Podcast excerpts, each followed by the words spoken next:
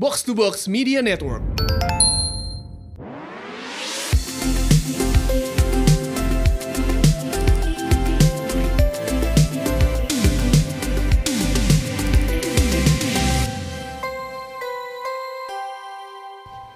Hai ladies, welcome back to She Talks About bareng gue Elrika Dan gue Mandy. dan hari ini eh, di episode kali ini kita mau apa ya men belajar lah ya belajar untuk mengenal lebih dalam tentang eh, posisi dan juga role-role wanita bersama siapa men? Kamia Raja Gugu. Yeay, welcome. Yay. Dharma. How are Happy you? banget kita ya. Kak. Jadi Kamia ini siapa men? Coba dibacakan Jadi langsung. Kamia ini adalah a working wife and mom. Oke. Weh, Ini kita baca dari Instagram. Iya. Dan Kamia juga certified image consultant. Nah, tadi sempat Ah. ngobrol-ngobrol sedikit sama Kamia, certified image consultant tuh apa gitu kan? Seru banget ya, seru Iya, banget. jadi ternyata Kamia ini expertnya untuk merubah image. Ada yang mau mungkin eh, langsung ke eh, at inner energy personality. Cie. Dan dia juga pengajar. Nah ini yang Nah. paling enak nih ngobrol nih sama pendidik ya, karena kita suka belajar nih kak. Iya, bener. Corporate trainer and i- Yap. image and executive presence dan co-founder director dari Energy Personality. Yeay, thank you Kamia for your Welcome. time. Welcome. Di podcast Thank you kami, for having me. kita yang thank you. Dan hari ini seru banget nih karena kita, obrolannya apa akan nih? akan membahas tentang ini satu term yang gue baru tahu dari lu juga sih El yang Iya, kemarin iya, kita iya. pot alpha, beta dan omega woman. Nah ini Iya. menarik nih. Mari kita ulas. Yes. Jadi kan karena Siap. eh, mostly eh, kita tuh taunya alpha ya, kami ya. Iya, Maksudnya kita kan kayak lately itu alpha. taunya alpha and then eh, kemarin juga sempat sempat baca articles and then forum about women lah gitu. Kok ada beta, omega, apalah ini telur omega kah? gitu kan. Omega 3 ya. Omega Omega 3 ya kan. Nah, makanya hari ini kita coba mau mengulas jadi teman-teman yang lagi ngedengerin juga bisa tahu lebih banyak lah tentang apakah kita tuh termasuk yang mana gitu loh. Betul. Gitu. Karena kan nggak semuanya alpha, nggak semua ya gitulah. Iya, Semua betul, punya role-nya masing-masing gitu. Yap. Nah, kami aku pengen tanya deh. Jadi menurut kami sendiri tuh peran wanita tuh seperti apa sih? Apa sih peran wanita? Wah, oke. Berat ya. Eh, gampang sih sebenarnya pertanyaannya. Jawab yang berat. Iya bener. Karena kenapa berat? Karena kita tahu bahwa yang namanya wanita itu nggak sesimpel apa penampakannya gitu kan. bener. Tapi dia lebih complicated. Artinya apa? Wani sebagai wanita pasti kita ke- dikenal adalah sebagai wanita atau seseorang yang multi peran. Hmm. ya kan multi peran multi peran itu berarti itu tadi kesibukannya itu kayaknya banyak banget sampai kadang-kadang kalau ditanya sibuknya apa aduh sibuk banget deh begitu Ta- sampai tidak kadang-kadang tidak bisa di- di- digambarkan atau tidak bisa dideskripsikan dengan kata-kata yang jelas gitu ya Hmm. karena memang em, multi peran itu tapi menurut saya eh, dengan beberapa waktu saya itu seneng karena itu suka menganalisa ya suka ngebaca gitu suka Hmm. ngeliatin terus kemudian ya pastinya juga kadang-kadang suka mikir tentang diri sendiri kenapa Hmm. saya ini kayak lelah banget ya ngapain aja gitu bener nggak sih Mm-mm. Benar, wanita tuh lebih sering kayaknya capek tapi kayaknya capeknya tuh ngapain aja sih dari tadi gitu kan Mm-mm. ternyata kalau buat saya peran wanita itu yang pertama pasti dia eh, sebagai seorang selain seorang ibu dia sebagai seorang pendidik Hmm. pendidik pertama buat anak-anaknya betul nggak sih Setuju. Karena eh, komunikasi yang terjalin dari seorang ibu kepada calon bayi atau calon anak waktu dia lagi mengandung itu sudah dimulai sejak si jabang bayi ini ada Hmm. ya kan makanya Hmm. kalau eh, apa ibu-ibu yang sedang hamil kan suka baca artikel, sering diajak ngobrol bayinya gini-gini kan. Dulu awal-awal waktu pertama kali hamil juga agak aneh ini ngobrol gimana caranya ya kayak ngomong sendiri gitu ya. Tetapi eh, setelah dijalanin ternyata benar bahwa eh, komunikasi yang kita lakukan kepada eh, si jabang bayi atau calon anak ini yang akan dilahirkan itu sangat amat berdampak Hmm. apa yang kita ucapkan, apa yang kita rasa, ya seorang ibu rasa apa, itu sangat amat berdampak terhadap karakter pada saat bayi itu eh, lahir. Hmm. Jadi menurut saya seorang ibu atau seorang wanita itu yang pertama adalah educator atau seorang pendidik pertama dalam keluarga. Nah, sebagai seorang uh, educator, dia pastinya sebagai seorang influencer keren gak ya? Hmm. Influencer dalam arti bukan yang Hi guys, welcome to my channel gitu aja sih ya. Yeah. Tetapi lebih kepada seorang wanita itu punya kekuatan menginfluence atau mempengaruhi itu luar biasa. Hmm. Ya, kalau saya perhatiin dari apa yang saya alami juga, kemudian beberapa teman sahabat yang yang sering cerita, curhat dan lain sebagainya. Kadang-kadang um, kayaknya kita ini kalau mama-mama ya ngomong ngomel gitu kayaknya anaknya nggak nggak ngedengerin nggak sih gitu ya tetapi ketika uh, mereka udah mulai usianya udah mulai teens remaja gitu ya kita ngelihat ternyata mereka lakukan apa yang yang kita omelin. Dalam arti kayaknya kita hmm. ngerasa kayak ngomong tapi nggak dengar. Nah menurut saya wanita itu sebagai seorang influencer yang yang very powerful. Oleh sebab itu kita sebagai seorang wanita mau nanti jadi seorang istri, seorang ibu, kita mesti tahu, mesti kenali bahwa uh, apa yang kita keluarkan itu sangat amat mesti dipikirin gitu, hmm. ya, nggak asal ngomong gitu, ya. Jadi kita mesti tahu, apalagi kalau kita ini, yaitu tadi sebagai seorang ibu mesti hati-hati, karena mereka juga akan ngikutin, mereka akan lihat apa yang kita omongin, influencer Kemudian yang pasti wanita juga sebagai seorang pengasuh, nurturer kan gitu ya. Tetapi lebih kepada ya wanita di sebagai kodratnya kita tahu. Makanya dulu kalau zaman dulu itu simbol wanita itu kan kayak uh, lingkaran terus ada tanda panah di bawah ya. Kalau hmm. saya bilang tuh kayak kaca, kayak cermin. Ya.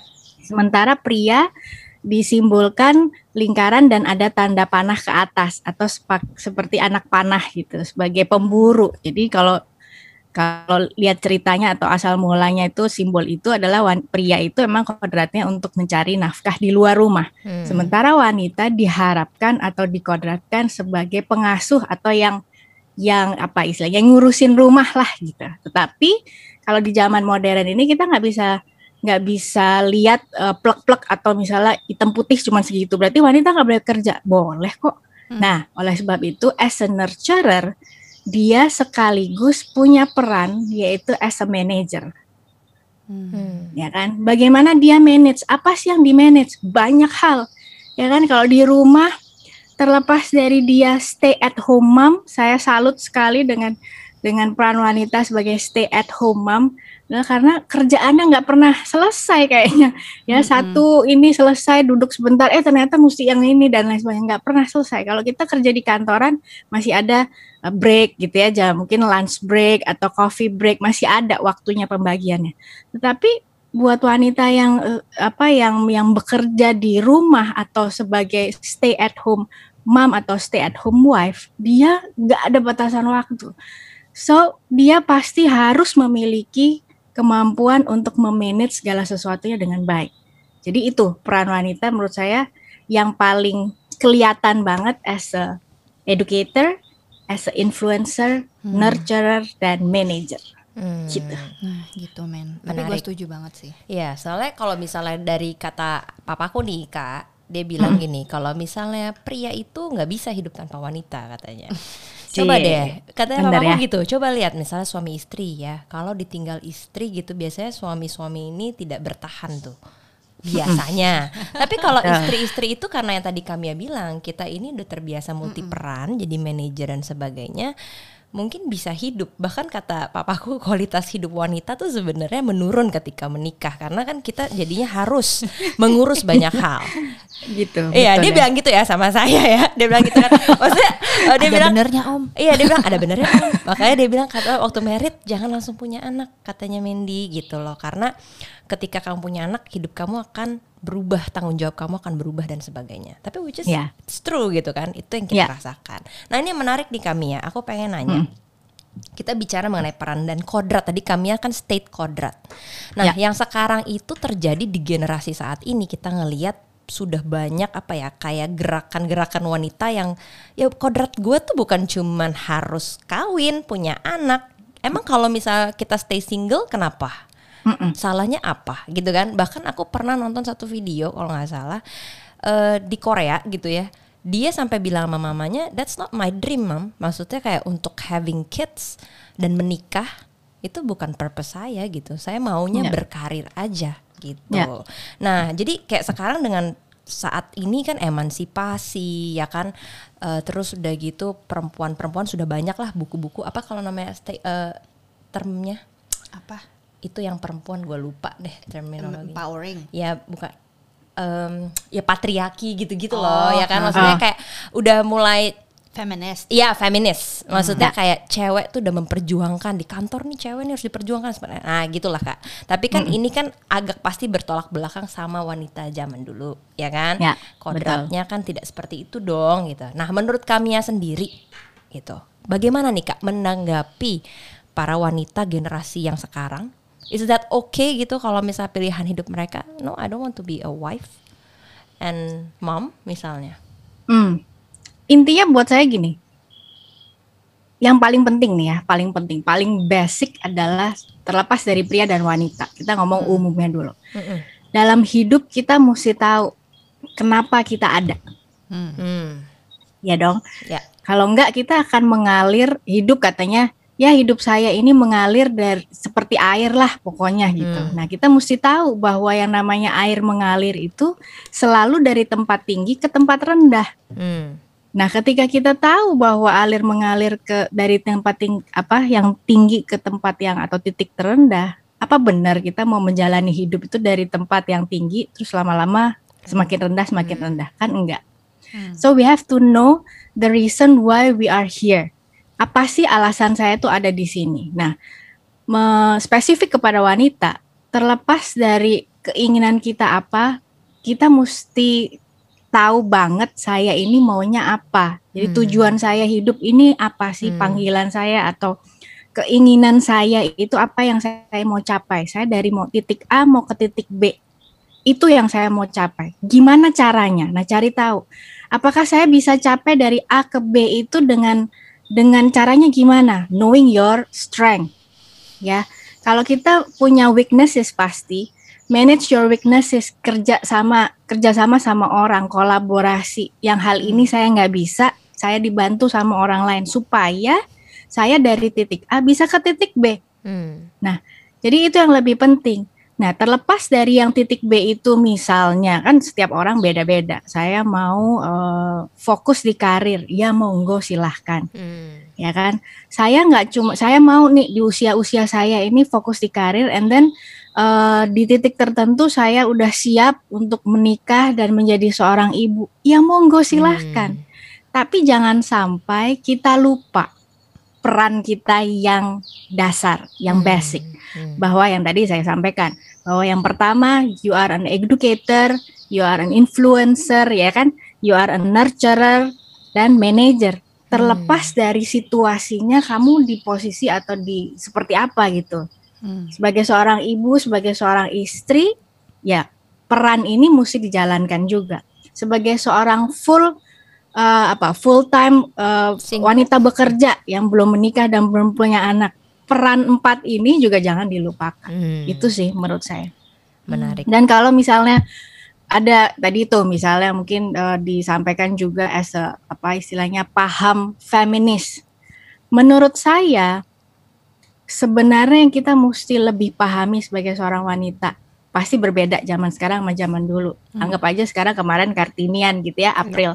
Waktu Kartini ada dia berjuangnya melawan apa sih budaya, melawan eh, pemikiran paham bahwa wanita itu nggak nggak layak dapat pendidikan yang tinggi karena toh nanti ke dapur juga dan lain sebagainya. Hmm. Itu yang dia dia lawan, yang Hmm. dia perjuangkan. Hmm. Nah sekarang mungkin kita hidup di dunia yang lebih modern yang nggak sama mungkin pria-pria kalau ditanya boleh kok belajar boleh eh, sekolah setinggi mungkin boleh jadi fokusnya tidak lagi ha- mempertahankan atau memperjuangkan pokoknya saya mesti sekolah setinggi mungkin akhirnya apa kita wanita ini lelah sendiri Hmm. lelah berkompetisi dengan tidak sebenarnya dengan pria tetapi Hmm. dengan pemikiran kita sendiri ya kan capek banget dong Mm-mm. Karena mindset itu ada di pemikiran kita sendiri bahwa saya harus lebih tinggi, saya harus lebih pinter. Lelah sekali gitu. Jadi yang sebenarnya kita harus sadari bahwa stop competing Hmm. dan start embracing your strength. Itu sih. Hmm. Nah itu tuh. Society juga kan kadang mengotak-ngotakan kan gitu kayak. Betul. terus mungkin kemarin sempat juga yang digaung-gaungkan banget kayak ya alpha female dan segala macam gitu. Cewek-cewek biasanya kan insecure ya kak ya. Gitu kan Yes. "Ih, dia keren banget dia bisa kayak gini dan gitu gitu. Cuman em, ya balik lagi setiap wanita kan diciptakan itu berbeda gitu Betul. kan. Nah mungkin aku pengen bahas lebih dalam yang tadi kita mau bahas ya topik kita adalah alpha beta dan omega nah ini tuh sebenarnya apa sih kak apa yang membedakan kayak Yang pasti bukan vitamin, Iya. bukan Beta karotin eh, ya. jenis eh, ikan atau telur ya. Alpha, beta, omega. Sebenarnya kalau kita kulik beberapa literatur tuh banyak ya, maksudnya teori yang mendefinisikan tipe-tipe wanita, tipe apa misalnya eh, pria dan wanita, personality berdasarkan tuh macam-macam. Nah, cuman kita akan bahas alpha, beta, omega. Nah, kita lihat bahwa yang namanya alpha itu kita mungkin lebih lebih sering dengar kan istilah itu karena memang nggak di nggak di apa dipungkiri bahwa alpha female atau alpha women ini adalah orang yang punya karakter yang kuat Hmm. kalau bilang pede percaya diri dia percaya dirinya tinggi sekali gitu ya Hmm. jadi tidak menutup kemungkinan dia vokal dalam hal mengutarakan pendapatnya karena dia ya dia punya kepribadian yang kuat dia nggak nggak apa nggak malu untuk tampil dia tahu maunya apa dia punya prinsip yang kuat Hmm. sehingga orang di sekitarnya sering kali melihat bahwa yang namanya alpha female ini orangnya dominan dan apa ya agresif tampaknya. Hmm. Padahal sebenarnya belum tentu loh, ya kan? Namanya juga tampak itu kan sesuatu yang di luar. Ya, jadi mesti di di mesti kenal lebih dekat gitu. Tapi ciri-ciri secara umumnya biasanya orang atau yang wanita dikategorikan alpha atau alpha female adalah orang yang eh, istilahnya punya kualitas sebagai pemimpin. Udah kelihatan lah gitu Hmm. ya bukan berarti tipe wanita lain nggak nggak punya kualitas punya cuman mesti digali nah itu tadi Hmm. karena alpha female dia nggak nggak apa nggak sungkan untuk tampil nggak sungkan untuk ngelit nggak sungkan untuk apa menjadi pusat perhatian karena emang pembawaannya seperti itu Oke. Nah, Itu nah, alpha itu ya. alpha. Oke, Alpha. beta beta. Beta nah karot. kalau beta Bukan beta cupang ini. beta cupang. Lagi ngetren loh. ya beta itu lebih secara eh, apa ya penampilan mungkin secara pembawaan dia itu lebih lembut daripada alpha female kalau dibandingkan ya Hmm. Lebih lembut lebih punya eh, empati gitu jadi kalau alpha tadi tuh lebih mengedepankan logika daripada perasaan Hmm. tapi sekali lagi namanya wanita ya tetap pasti ada perasaannya gitu ya. Tapi Ya. kalau dibandingkan sesama wanita si beta ini lebih punya rasa empati, lebih berhati-hati kalau bicara karena kan takut nyakitin, takut Hmm. mikirin orang lain lah perasaan orang lain tuh gimana dan lain sebagainya gitu. Nah, kalau beta dia kalau ditanya eh dia punya kualitas pemimpin nggak? Punya.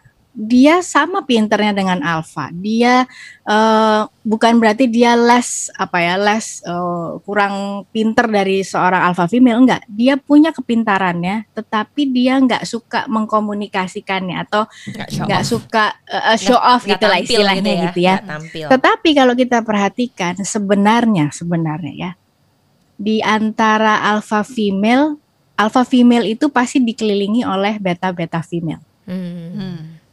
Ya karena beta beta female ini lang, ya apa dia yang punya tugas untuk balancing si alpha. Si alpha tuh maunya pokoknya gue mau gini tek tek tek tek tek gitu ya pokoknya langsung langsung. Si beta yang begini tunggu pelan pelan Hmm. ntar jempol orang keinjek loh.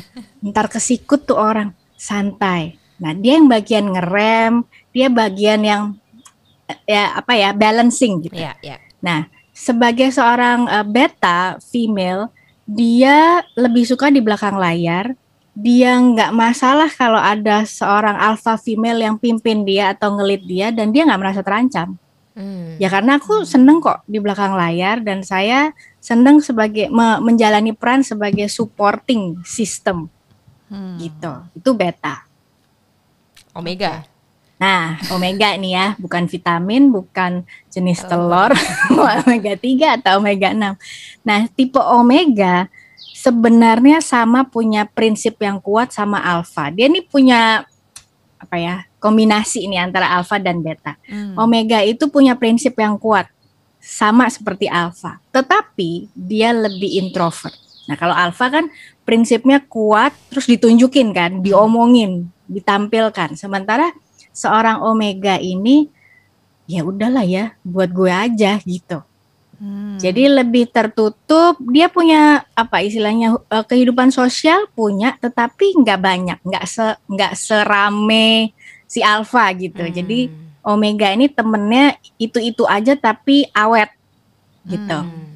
Nah, dia makanya terkesan dia punya prinsip tapi terkesan mandiri dan independen. Dia lebih memilih kalau bisa kerja sendiri kenapa mesti kerja tim. Hmm. Ya, karena si Omega ini tahu ritmenya, ritme hidupnya, ritme kerjanya dia sendiri yang tahu. Jadi kapan santuy, kapan ngegas gitu. Hmm. Ya, kapan mesti kelihatan gigih eh, mencapai sesuatu yang dia mau, kapan ya udah deh, ntar aja, santai-santai tetapi tetap terarah. Nah, itu si Hmm. Omega. Jadi lebih introvert, lebih mandiri, lebih independen, punya ambisi yang kuat tetapi nggak terlalu mengekspos apa yang dia mau.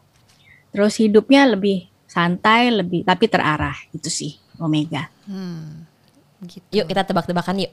Ah, Menurut apa kamu, tuh? ini kamu El, Kamia apa? Kamia ya. Apa ya? Alpha, beta atau omega ya? Kayaknya Kamia kalem gini. tampilannya ya. Coba aku berubah dulu. oh ya, kalau si beta itu, nah tadi aku lupa tuh. Dia memang punya lack of confidence. Si beta. Beta. Oh. Beta like Justru apa? beta ya, bukan omega ya.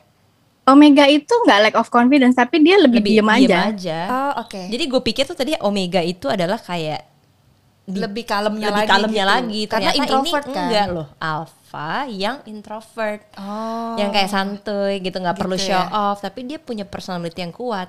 Make sense sih ada juga Iya, sih, iya, ya kan? Itu ya, itu omega of, kan. uh, uh, uh, Iya iya. Ya udah Ya. Kamia apa Kamia tebak ya. dong.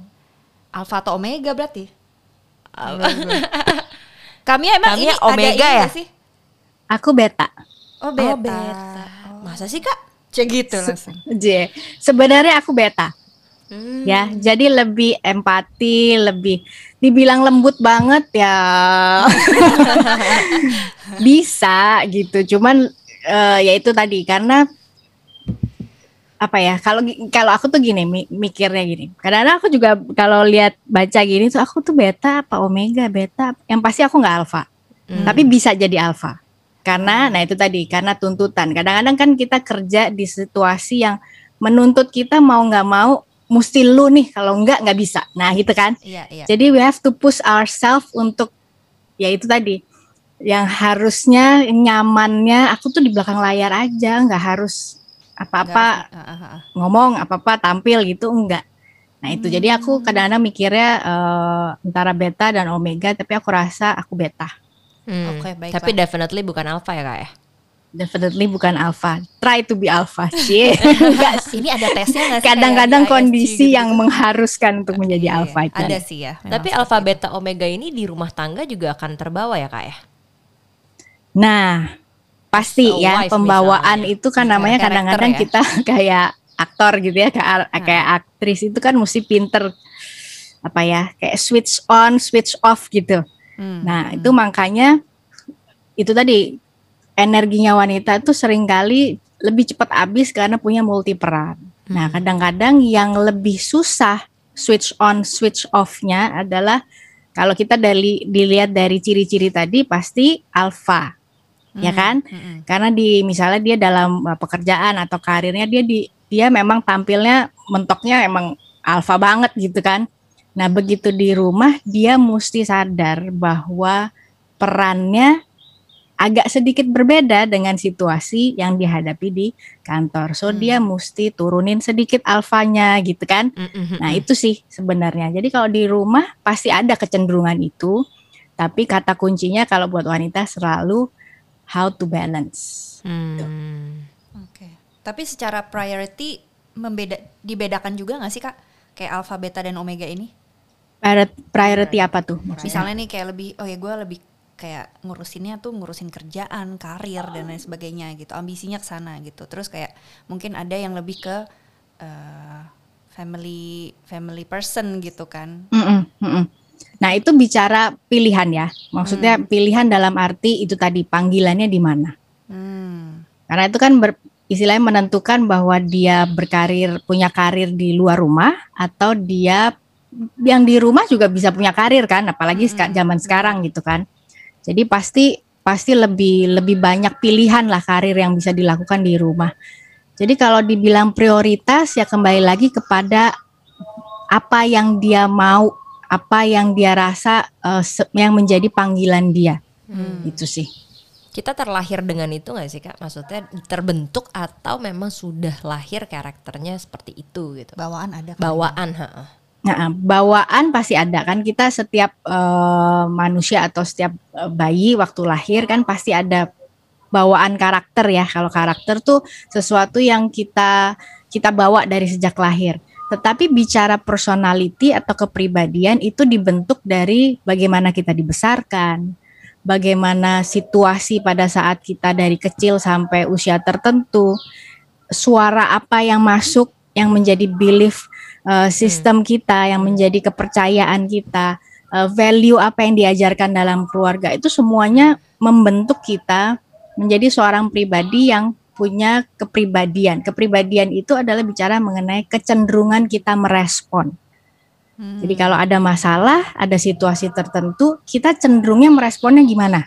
Nah, ada yang tipenya dominan, ada yang tipenya eh, diem aja, ada yang tipenya eh, menganalisa, ada yang tipenya ya udahlah, yang penting ngalah, yang yang penting yang lain happy. Nah, itu ke tipe kecenderungan eh, bagaimana kita merespon. Itu sih. Balik lagi ke itu ya personality test gitu ya kayaknya harus tahu Yes. banget kita tuh gimana gitu orangnya Tapi somehow Iya. eh, menurut menurut aku benar nggak sih kak kalau misalnya kayak alpha beta omega ini bisa aja berubah gitu loh. Maksudnya mungkin saat ini kayak seseorang alpha nih. seasonnya beda gitu Iya tapi tiba-tiba misalnya terjadi something happen yang dia akhirnya gerah gitu atau kena hit nge-trigger dia untuk bisa dia, switch jadi gitu. kayak dia kayak ah udahlah gue introvert aja karena udah kena gitu loh. Hmm. And then Ya, dia ya. akhirnya jadi omega. Tadi kan Kak, Oke. Kak Mia bilang saya tuh beta gitu kan, tapi Hmm. saya mau tidak mau harus beririsan dengan si alpha. Mm-mm. Yes. Jadi artinya mungkin ini Conditional bisa gitu. conditional by season kali ya kak. Bisa, bisa dikatakan sebagai eh, tergantung kita di musim apa kan gitu ya. Iya, heeh. Tapi tergantung juga tuntutan. Hmm. itu tadi tuntutan di di musim itu kita ma, kita ya in a way kita kan pasti ada tuntutan ya kayak misalnya gitu oh musimnya mesti cari apa meniti karir gitu mau nggak mau kan kita menjalani itu sepertinya seolah-olah kita dibawa di situasi untuk harus seperti itu Mm-mm. tetapi benar tadi Mandy bilang juga bahwa kemungkinan keadaan berubah, kemudian mungkin mimpi kita eh, berubah enggak cuman disesuaikan Hmm. gitu kan, dikondisikan karena mungkin ya banyak kejadian dalam hidup ini yang kadang-kadang kita nggak prediksi, Mm-mm. ya kan? Mungkin misalnya contoh eh, ada salah satu anggota keluarga yang mungkin meninggal dan lain sebagainya kita yang tidak tidak kita prediksi sebelumnya sehingga yang tadinya kita misalnya tidak bekerja harus bekerja. Nah, itu kan udah perubahan tuh. Tapi perubahannya mesti kalau berubah sesuatu yang berubah itu perubahannya itu mesti besar dan ya itu tadi yang yang apa ya yang kira-kira memang tuntutannya itu sangat besar gitu perubahannya. Mm. Nah itu bisa, tapi tidak meninggalkan sisa. Jadi kalau misalnya alfa tadi, karena apa? Trauma misalnya. Ya udahlah, Hmm. saya jadi introvert aja. Semudah itu? Enggak. Hmm. Karena introvert ekstrovert dibangunnya dari kapan? Dari kecil loh. Hmm. Ya, Benar. dari kecil sampai dia usia tertentu udah jadi ekstrovert misalnya kecenderungan kan bicara kecenderungan kepribadian atau merespon. Terus tiba-tiba tiba-tiba dalam satu kejadian yang traumatis dia mau introvert bisa nggak besok terus dia tiba-tiba diem menyendiri susah Hmm. pasti butuh waktu atau butuh Hmm. proses mungkin mungkin namanya ya kalau extrovert introvert ada di tengah-tengahnya tuh ambivert itu seperti spektrum jadi bisa Hmm. geser mungkin dia nggak se extrovert dulu tapi Hmm. agak lebih sedikit ambivert ambivert Hmm. tuh ya dia tahu kapan dia apa istilahnya vo- vokal, kapan dia ngerem untuk dirinya, kapan dia gaul, kapan dia masuk ke gua. Nah, itu tuh ambivert. tuh. Hmm, Nah, gitu. menarik Oke. menarik. Nah mungkin aku recap nih sedikit ya. Jangan nangis dong, kok nangis? Enggak enggak enggak nangis. Karena ini ternyata ceh. Kayak sedih gitu loh. enggak enggak. Jadi lu apa men? apa? Gue gue bingung nih. Makanya gue tadi Jadi apa tadi ya. alfa, omega atau beta Aku tuh? kayaknya alpha sih. Alpha ya. Iya, cuman di rumah tangga harus jadi beta lah. Iya. kan? itu bukan curhatan kan Jadi ya? ini nggak- apa maksudnya harus di mix ya men ya? Harus Di mix, balance, di mix, harus di balance. ya. balance. Tapi inilah makanya em, tadi jangan lupa nih teman-teman ladies ya. Eh, tadi kami ya bilang nih bagus banget. Kita jangan lupakan peran kita sebagai wanita. Betul. Educator, nurturer, ya kan, influencer, udah gitu manager. Nah itu empat role itu mau apa pun kita lagi ma- udah married, bukan lagi married sorry, udah married, jadi ibu atau bahkan single, istilahnya Tuhan memberikan kita capacity untuk menjadi empat tanggung jawab ini.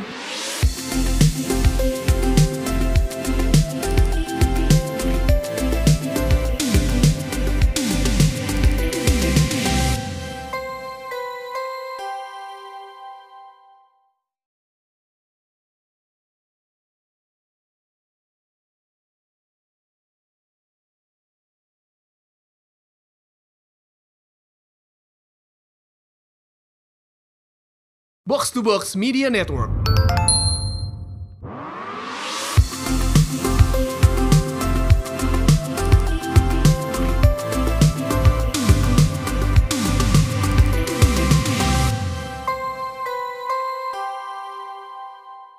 Halo, welcome to She Talks About bareng gue Mendy. Dan gue Elrika Iya, ini adalah opening pertama gue ya. dua kali lah. Iya dua kali lah ya. Oke, hari ini gue mau ngobrolin sesuatu yang deep.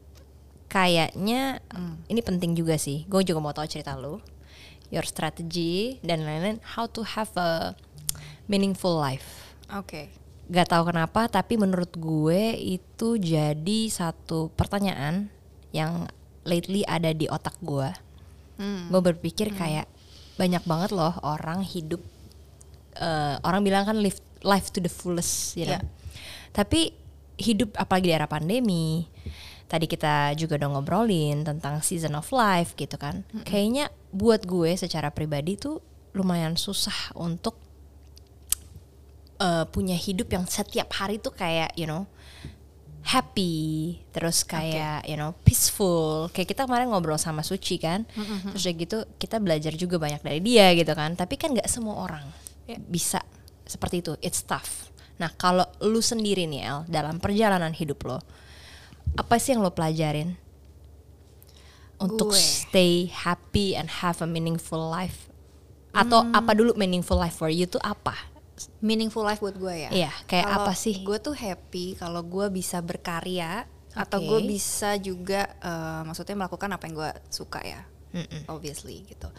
Tapi lately ini tuh gue selalu ya itu mungkin sama kayak lu cuman ya gue selalu mempertanyakan apa purpose-nya gitu? Kayak apa yang apa yang lo mau lakukan tuh apa sebenarnya gitu purpose kan. hidup lo gitu kan? Purpose gitu kayak eh, all my life tuh mungkin nggak tahu ya eh, gue nggak tahu apakah orang tuh sama dengan gue atau enggak gitu. Cuman kalau menurut gue em, mencari sesuatu atau mencari apa yang gue kayak apa ya maksudnya kayak eh, match dengan purpose gue atau apa yang gue suka itu tuh terus-terusan gitu gue nggak tahu lu kalau kalau lu kayak kayak gimana gitu maksudnya kan. lo tidak pernah berhenti gitu ya Eh, yes, jadi mungkin di titik ya itu tadi season ya balik lagi ya season ya. Di season ini kayaknya gue eh, pengen kayak begini deh, hmm. punya visi seperti ini deh gitu. Tapi begitu sekarang gue punya visi yang berbeda gitu. Hmm. Jadi kayak apa ya ro- ro- rolling kali ya, Ya, terus-terusan lah gitu. oke Um, terus kalau gue sendiri sih merasa kalau misalnya gue akan happy kalau keluarga keluarga gue happy Hmm. gitu kayak ya sekarang apalagi gue udah berkeluarga gitu kan punya anak punya suami kalau rumah gue peaceful nih Hmm. sebenarnya kan katanya ketua ketua apa namanya Yang bawa vibe yang keluarga. membawa vibe positive vibe di rumah itu kan ibu ya kan balik lagi ke gua gitu Uh, nah that's why gua selalu berusaha nih berusaha untuk nurture myself Hmm. sebisa mungkin gitu Hmm. kayak ya udahlah self healing lah self development lah whatever it is yang bikin good. Iya, improve at least gitu. Jadi gua eh gua sih suka dengan hal-hal seperti itu ya gitu. Jadi mungkin tiap orang akan beda-beda gitu. Cuman kalau bagi gua tuh seperti itu. Jadi um, meaningful life menurut gue adalah di mana gua bisa I won't say balance, tapi uh, in a stage yang semuanya terkendali Hmm. gitu. Terkendali. Kendali. Nah, itu sebenarnya kunci ketidakbahagiaan. terkendali ya. Terkendali. Nggak tahu ya, cuma maksud gue kenapa gue bilang ini topik yang menurut gue penting. Karena ya maksudnya gak semua orang orang tuh susah. Orang gini, orang di dunia ini hidup mau ngapain sih? Semua cari Iya. bahagia. Cuman definisi bahagia tiap orang kan beda. Ada orang yang berpikir gue akan bahagia ketika gue punya duit banyak. Tapi mereka kaget ketika mereka punya duit banyak ternyata mereka tidak happy. Seperti yang lo bilang, ketika kita mencapai satu titik ketidakpuasan itu datang lagi, Mau lagi yang mau lain. lagi yang lain dan yang lain dan yang lain sampai akhirnya kita bertanya sebenarnya bagaimana sih untuk hidup happy. Nah, kenapa menurut gue penting? Karena coba deh lo bayangin dalam tujuh hari nih ya, lo bangun tidur berapa kali sih yang lo merasa kayak oh I'm so excited about today, you know? Kayak gue excited banget. Nih, gue satu bulan itu pasti ada ada ngerasa begitu maksudnya kayak eh happy banget ya gini gini gini gitu tapi kebanyakan ya maksudnya eh, gue nggak ngerti apakah PMS gue sampai bingung Hormonal ya? hormonal iya Ah. tapi hormon itu kan true ya cuma maksud gue kalau memang lo pupuknya bagus gue rasa lo nggak akan crash deh di PMS segitunya I don't know, gue nggak tahu. Cuman gue kemarin kayak contoh bonyok gue pas covid, Eh, pas setelah mereka sembuh kan gue harusnya dapat ya istilahnya eh, menstruasi di bulan depan. Itu sakit setengah mati. Karena gue nggak tahu apa karena gue stres gitu loh yang di bulan se- Bisa jadi ya. Iya bulan bulan sebe- sebelumnya itu udah kayak, wih stres banget Iya, gitu. iya. Dan itu sangat berpengaruh sama hormon gue. Nah jadi gue makin ke sini makin mempertanyakan sebenarnya apa sih kunci kebahagiaan? Karena kalau lo bilang duit, banyak lo orang yang istilahnya ngerti gak sih maksud gue kayak hidupnya nggak ada duit tapi happy gitu. Kalau bicara family, of course, tapi ada juga yang kayak gitu, ya kan? Nah ini kalau dari my point of view nanti kita mungkin bisa bahas juga. Gue nggak tahu kenapa gue menemukan sepertinya ini deh yang harus kita lakukan eh, apa ya supaya kita happy. Yang pertama penerimaan. Kita harus terima, ya nggak sih? Dan orang struggle beda-beda. Ya. Penerimaan itu apa sih? Penerimaan masa lalu lo, penerimaan kekurangan lo, ya apa penerimaan suami lo, anak lo udah begini, pun terima. Even problems. Even problems lo terima, Iya. ikhlas gitu ya, kayak Iya. ya udah terima gitu. Yang kedua bersyukur, ya kan? Ada orang yang struggle with that, Ya. bersyukur. Kita pikir enggak kok gue bersyukur. Are you sure? Yakinkah kamu bersyukur setiap hari gitu kan? Gue pikir, ya. Nah, yang ketiga berserah. Itu yang maksud gue. Gue menyadari kita orang yang sama mungkin El. Kita seneng sesuatu yang terkontrol. Ngerti gak maksud gue? Semuanya rapi, semuanya terwell managed. Tapi itu membuat gue merasa inilah kunci kenapa gue anxious. Karena ternyata gue tidak bisa berserah. Ngerti gak maksud gue? Gue maunya semua serba well prepare, tapi ternyata itu yang buat gue stres. Iya. Sehingga kalau di pengalaman soal misalnya kayak motherhood gitu ya, gue kadang-kadang mikir, ini anak makan tepat waktu, terus gue jadi bete, ngerti gak? Ini ego gue yang lagi jalan, apa karena memang kebaikan nih anak? Ngerti gak? Kok buat gue jadi stres? Kalau misalnya dia lewat jam tidur atau apa, ya namanya manusia ya. Iya. Kita bisa ngatur semua schedule, yes. Tapi kan namanya mereka bukan robot, ya ada aja lah pasti yang tidak sesuai rencana. And then gue tiba-tiba langsung flip dari happy Stres. stres, tension, tegang, gak fun. Terus gue bayangin anak gue sehat gak ya? Ngerti gak? Gue harus atur semua makannya. Tapi namanya kehidupan ya, Bo. Lu makin dewasa, lu makin facing the truth gitu loh. Kayak banyak ya orang yang diizinkan Tuhan mengalami ujian yang mungkin lu nggak kuat gitu loh. Dan gue kayak ngerasa kayak oh my god gitu ngerti gak sih kayak gimana gitu loh. Iya, iya. How to stay happy in this crazy world gitu. Gitu. Tapi kalau gua point of view gua gue mikir apakah gue ada problem dengan penerimaan? Hmm. Kayaknya setahu gua enggak ya. Coba kan gua nggak tahu harus lihat ke inner di dalam. Mungkin gua nggak nerima. Iya tuh, dari poin-poin tadi yang lo bilang, kira-kira Iya. yang mana yang lo paling susah? Gua sekarang lagi sulit di berserah. Berserah, berserah, ya. berserah. Tapi ya itu dia. gue berusaha untuk mikir gini, kayak berserah about my future. Itu yang paling gue berat.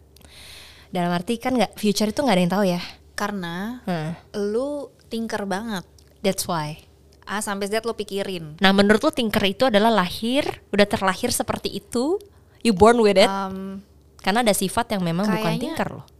eh, kayaknya bawaan juga. Bawaan deh juga menurut gue. kan? Karena itu udah termasuk karakter. Yang maksudnya ya orang kan beda-beda kan. Iya. Lu tipenya yang mana tuh? Kalau zaman dulu tuh yang melan lah, pragmatis Iya, bla, bla, pragmatis, gitu iya, kan. iya, iya. Nah itu. Benar benar benar. Jadi tergantung itu juga menurut gua men. yes, gue kolerik sanguin sih. Ah, Mm-mm. oke. Ya, Jadi memang ya ya plus poinnya ya gue karena kolerik atau biasa mimpin mau ini mungkin gue bisa menjadi leader. Tapi negatif side-nya karena gue udah terbiasa mau all perfect, gue Ya. ngatur segala macam. Itu. Anxiety level lu justru tinggi loh. Ya, makanya gue kalau ngeliat benar. sekarang cewek-cewek ambisius, sorry, cewek ambisius itu gue jamin akan lebih banyak struggle Karena itu ya. inside. Karena Iya, itu. iya, iya, karena itu, Dibanding kayak maksudnya ya ampun ada ipar gua itu gue tanya eh, waktu lahiran Hmm. dia tidak worry. Tidak worry. Pas gue tanya, Ah. "Kok bisa sih?" Aku bingung mau worryin apa. Enak gak hidup begitu? Enak Ya. banget. Makanya. Iya, terus gue tanya, gue mau tahu cara pikir Iya. dia. Terus dia bilang gini, kan aku udah pilih dokter yang terbaik, Nah. udah pilih rumah sakit yang paling bagus. Terus aku bisa apa kalau something bad happen? Itu berserah namanya El. Iya itu exactly sih. Ngerti gak sih? Eh, eh, eh, jadi maksud gua kayak gitu tuh lu bisa kontrol sebenarnya men.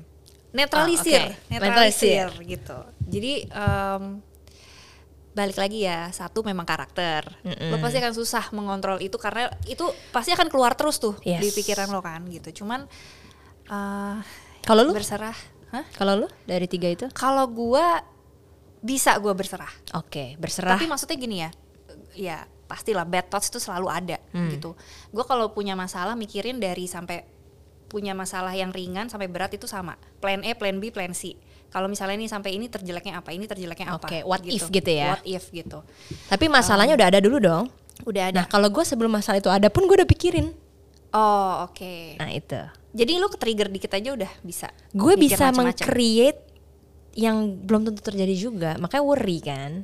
Nah kalau yang kita ngobrol kemarin kan Ya, lu ya, memang nggak paham. ke situ. Ya, ya, lu paham. ada masalah ya wajar lo stres. ya, ya, ya, ya gua masalahnya emang udah ada kok. Iya. Ini belum ada loh. Coba Ibu Mendy netral dulu nih, netralin dulu nih ya.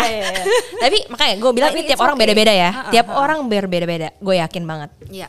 Berserah lebih Kalau gue bisa ya. lebih bisa nerima, maksudnya gini, kayak misalnya eh, eh, ini kita ngomongin udah ada masalah ataupun tidak gitu Hmm. ya. Gue gue cuma percaya apa pun yang ada sekarang dan akan terjadi itu tuh karena Tuhan. Oke. gitu. Jadi- Iman ya. iya gitu. Jadi gue nggak akan tahu future seperti apa. Gue nggak akan tahu gue punya masalah apa nanti ke depannya. Tapi ya gue eh, do my best yang sekarang gue bisa lakukan kayak gitu aja sih. Itu mindset lo. Yes. Makanya lo udah ben traveling. gitu ya. Naik pesawat nggak takut. Eh ada. Oh, ada ya? Pada waktu banyak kecelakaan pesawat.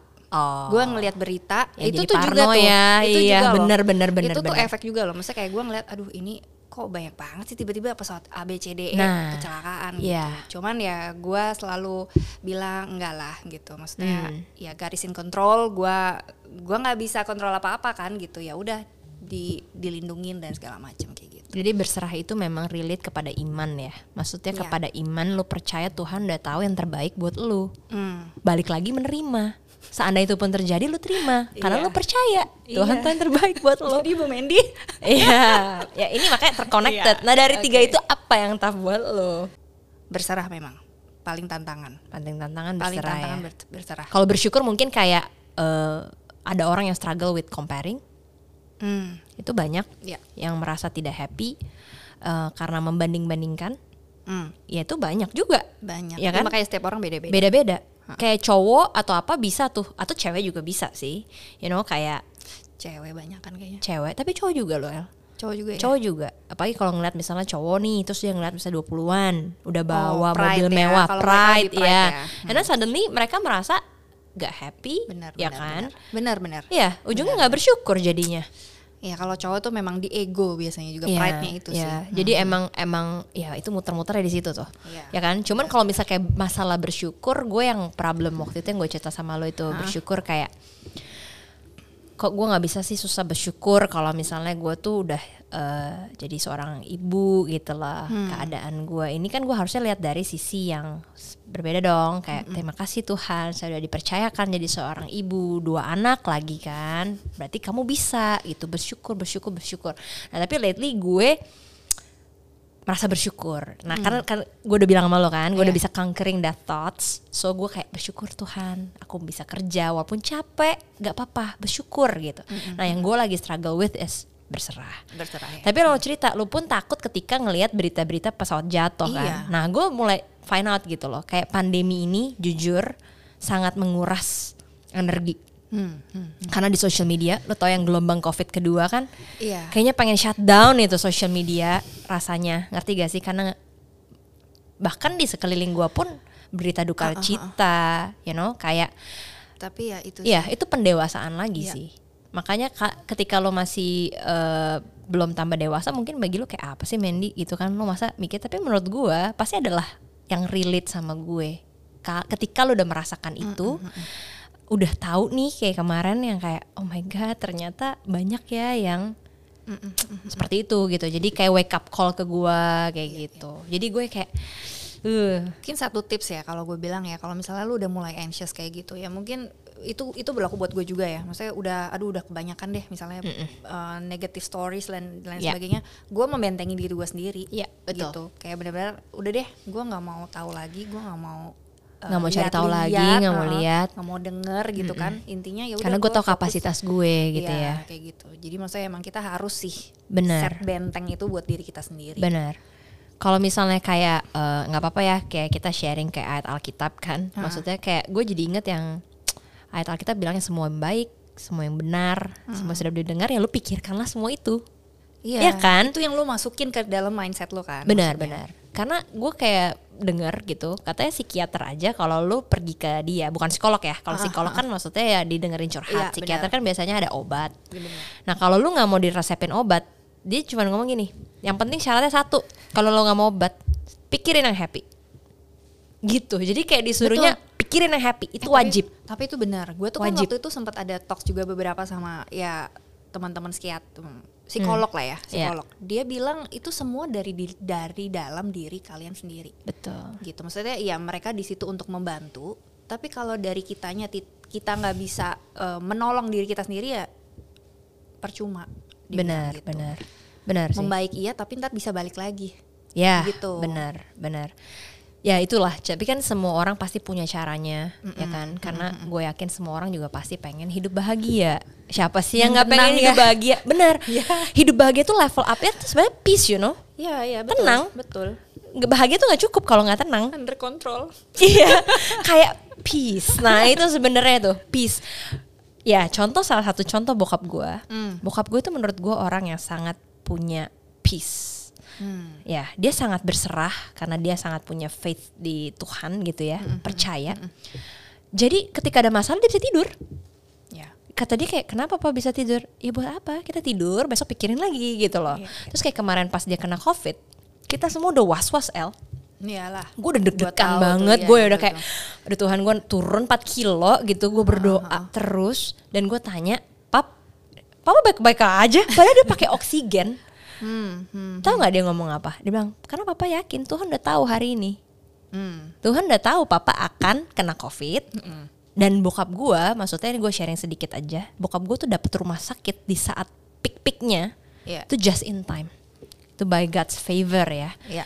dan menurut gue kayak ya terima kasih Tuhan gitu. Tapi saat itu tuh gue belum bisa berserah. Karena gue pikir gini kalau gue berserah kalau Tuhan izinkan gimana gue belum mau. Gue belum terima gitu loh. Ngerti gak? Tapi saking karena gue genggam itu yang stres tuh gue gitu loh. Betul. gue yang stres setiap hari gak bisa let go. Sampai adek gue pun bilang Ci lu mau apa? Gitu. Ya kita lakukan yang terbaik. Lu bisa apa? Apalagi covid it hurts lu nggak bisa ada di samping dia Bener. bener kan Gak boleh kan? Iya, dan itu gue kayak lu nggak boleh ngomong gitu. Gue bilang itu, lu nggak boleh ngomong gitu. Padahal yang dia lakukan adalah berserah. Takut gak dia? Gue tanya pas setelah udah sembuh. Lu nggak takut ya? Gue takut, tapi gue bisa apa? Ya gue berserah. Kata dia kayak gitu. Itu yang istilahnya bisa gue lakukan. Gue kayak, wow, itu yang gue belajar dan Itu memang harus harus kita pelajarin ya. Iya iya iya proses iya. Iya, sih. tapi bokap gue tuh kayak gitu, kayak Benar-benar. percayanya Tenang sampai ya segitunya. orangnya iya, dan dia jadi punya peace. Jadi gue udah liat bokap gue jatuh bangun nggak mempengaruhi tuh kebahagiaan dia. Nah, gitu loh. Jadi kayak itu yang menurut gue kayak oke, kayak inilah purpose of life ya menurut gue karena kayak buat apa sih kita hidup banyak uang Ya, maksudnya Hmm. ngerti ya? Dulu gue pikir uang memang bisa membuat kita happy, tapi setelah gue sekarang diberkati, ternyata tidak semudah itu juga gitu Hmm. loh. Kita punya uang yes gitu kan, mungkin bisa lebih enak gitu kan ketika Iya. lo lagi feel uh, feel blue atau apa lo bisa shopping tanpa mikir Hmm. panjang itu benefitnya, tapi itu temporary kalau lo nggak nyelesain Benar. problem di dalam. Sebenarnya di gak? dalamnya. Hmm. Betul. Makanya ada yang bilang kan kita ngomong sama siapa sih? Ya itu Gimana? kita ngomong sama Mbak Prisha yang dia bilang kayak dulu eh orang liburan mau have fun mau happy waktu liburan dia enjoy dia pulang balik lagi jadi orang yang sama Iya. kayak gitu maksud gua Ya, gitulah ya hidupnya. Maksudnya kita mungkin ada waktu-waktu yang untuk memang kita harus bisa itu sih being present juga gitu. Iya Tanpa juga harus mengkhawatirkan hal-hal yang memang sebenarnya belum ke- kejadian. kejadian betul betul betul Iya memang benar jadi memang salah satu tipsnya adalah um, being present tuh bener banget tuh Hmm. kayak yang lo punya ya saat ini aja Iya, iya. ya kan masa lalu udah lo nggak bisa ubah mau gimana pun juga Masa lalu pembelajaran, masa Iya. depan tidak tahu. Yes, tapi memang bener-bener yang buat orang nggak happy itu eh, banyak juga yang nggak terima atau yang masih hidup genggam masa lalu. Oh iya, Banyak. itu tuh salah satunya ya itu. Ya. Nggak bisa move on. Nggak bisa move on. Jangan salah, masa lalu. Pahitan Ya, banyak banget. masa lalu yang gagal dia keep. Mm, Tapi ada juga orang yang memegang masa lalu mereka yang sukses. Banyak juga. Benar, benar, benar. Dulu aku tuh sukses banget. Ya, ya, Dulu ya. tuh aku tuh gampang loh ini. Ya. Dulu tuh aku sukses. Jadi dia berpegang kepada kesuksesannya. Banyak. Ya kan? Banyak gua ngeliat tuh kayak gitu. Iya. Mereka stuck di masa Ya, lalu. ujungnya they're not happy juga gitu loh sekarang karena kayak gitu. Yes, Ibu Mendy saya setuju ya. Ya. Jadi Lo yang lebih wiser, what's your tips? Aduh, being nggak present. ada gue. Jadi ini kita ke obrolan curhat aja ya. Uh-uh, Tapi tadi ya being being uh, present tuh udah bener banget karena yang lo punya cuman hari ini, ya kan? optimalkan yang ada. Optimalkan penerimaan Menerima. apa pun itu terima. Benar. Kekurangan. Apa pun itu positif, negatif, masalah ataupun blessings gitu diterima aja. Maksudnya Kekurangan diri lu, betul. kekurangan kekurangan pasangan, diri. kekurangan anak-anak, kekurangan kerjaan, kekurangan apa pun lah. Hmm. Terima kekurangan mbak dan suster lu. Ibu-ibu banget ya. Ibu-ibu banget ya. Tapi benar dengan menerima kita tuh jadi bisa menganalisa. Iya. gitu kan maksudnya anything itu apa pun itu analisa strateginya seperti apa begitu bukan supaya under control tetap Ujungnya kontrol. dengan begitu kita peaceful Tapi eh, mungkin kalau dari gue ini kayak tips terakhir ya. Maksudnya bukan berarti gini loh, berserah itu bukan menyerah. Ingat. Iya, betul. Ini ini perlu di highlight. bukan menyerah bukan. Berserah itu bukan kayak oke gue berserah gue nggak ngapa-ngapain. Let it be. Nggak kayak gitu. Berserah itu adalah ketika lo udah tahu yang terbaik yang udah bisa lakukan udah serahin ke Tuhan. Yang udah jauh lebih punya kontrol tapi lo udah harus lakukan yang terbaik. Hasil di tangan Tuhan. Itu maksud gue. Gitu. Jadi ya bukan berserah ini ladies kayak ya udah Iya, berserah iya, aja benar benar benar nggak gitu juga ya bukan males-malesan ya Iya. ataupun kalau misalnya lu menginginkan sesuatu lo ya udahlah ntar juga ini nggak gitu Nggak juga gitu juga, nggak gitu juga, benar. itu namanya nantangin Itu namanya tentang itu. Kayak misalnya lebih lebih lu ber, iya itu benar lu lu do Do all- your best. do your best and let God do the rest. Asik. Asik. Atau kalau yang kemarin si Daniel juga bagus tuh. apa tuh You rest and let God do the best. Jadi diganti. Itu which is tergantung dari season mana nih yang lo lagi Benar, benar, uh, rasakan. Kalau lo udah ngerasain lakukan yang terbaik dan ini diputar. Ya kan, lu rest sekarang biar God do the best. Abis lu lakukan yang the, ba- the best. Iya, iya, Tapi iya, kalau lu iya. belum lakukan yang the best, jangan Keep rest dulu. trying. jangan rest dulu dong, Ah, ah, gitu ah, kan. Nah makanya kayak eh, si suami gue bilang kan, terus terang gue sangat concern about kesehatan anak-anak gue. Hmm. Tapi itu dilandasi dengan keparnoan gue, jujur, karena gue takut mereka sakit. ya Oke. And I do research. Dan suami gue bilang, lo jangan kayak gitu-gitu amat, ya Oke, kan? ah. Ntar lo gila. Bukan istilah gitu. Which is gue bilang benar, benar. Hmm. Oke, gue terima. Gue mungkin memang agak terlalu gila gitu. Karena kayak overthink gitu yes, ya kita men ngobrol sama Kak Sofi ya. Ya Do vegan and Ah, everything itu nggak jaminan karena nih Benar. otak lo yang paling penting. Jadi pola pikir dan pola hidup itu berjalan Mandy, beriringan. even penyakit juga dari pikiran Iya, pola pikir dan Gitu. pola hidup beriringan Hmm. maksud gue. Nah, jadi akhirnya ya udah gue sekarang put mindset gini, Tuhan, yang penting secara bagian gue sebagai ibu, gue bukan orang yang cuek. Gue tidak mau cuek, jangan sampai ini salah gue. Ngerti gak? Gue harus make sure anak gue makan yang benar, tidur cukup. Ya tapi selebihnya gue bisa apa gitu loh. ya ya Jadi itu yang gue doakan setiap hari kayak Tuhan saya di kantor, anak saya di rumah, saya bisa apa gitu kan? Saya udah nggak bisa apa-apa. Kalau nggak gue kungkung terus dong kan? karena kita terbatas Karena men. kita terbatas. Ya itu berserah. Tapi setelah lu do the best. itu maksud gue. tetap itu poinnya Iya. do the best and rest. Nah itulah. Ya, Cakep kan? betul, betul. Do the best and rest. Pokoknya intinya kalaupun punya masalah eh, ini kan gue mengutip eh, ayat ya dari Alkitab ya. Maksudnya kesusahan hari ini cukup untuk hari ini saja gitu. Besok ada kesusahannya lagi gitu. Nah itu benar. jadi ya kita memang harus membentengi diri kita ya udah gitu. Maksudnya kita tetap harus istirahat untuk kadang kalau kita kurang istirahat pun lu nggak bisa mikir kan? Oh sangat. Nah itu. Benar. jadi bener ya rest Do the best dulu. Do the best dulu. Baru rest. Jangan dibalik. Jangan oh dibalik. iya do the best dulu rest Jangan rest do the best nanti.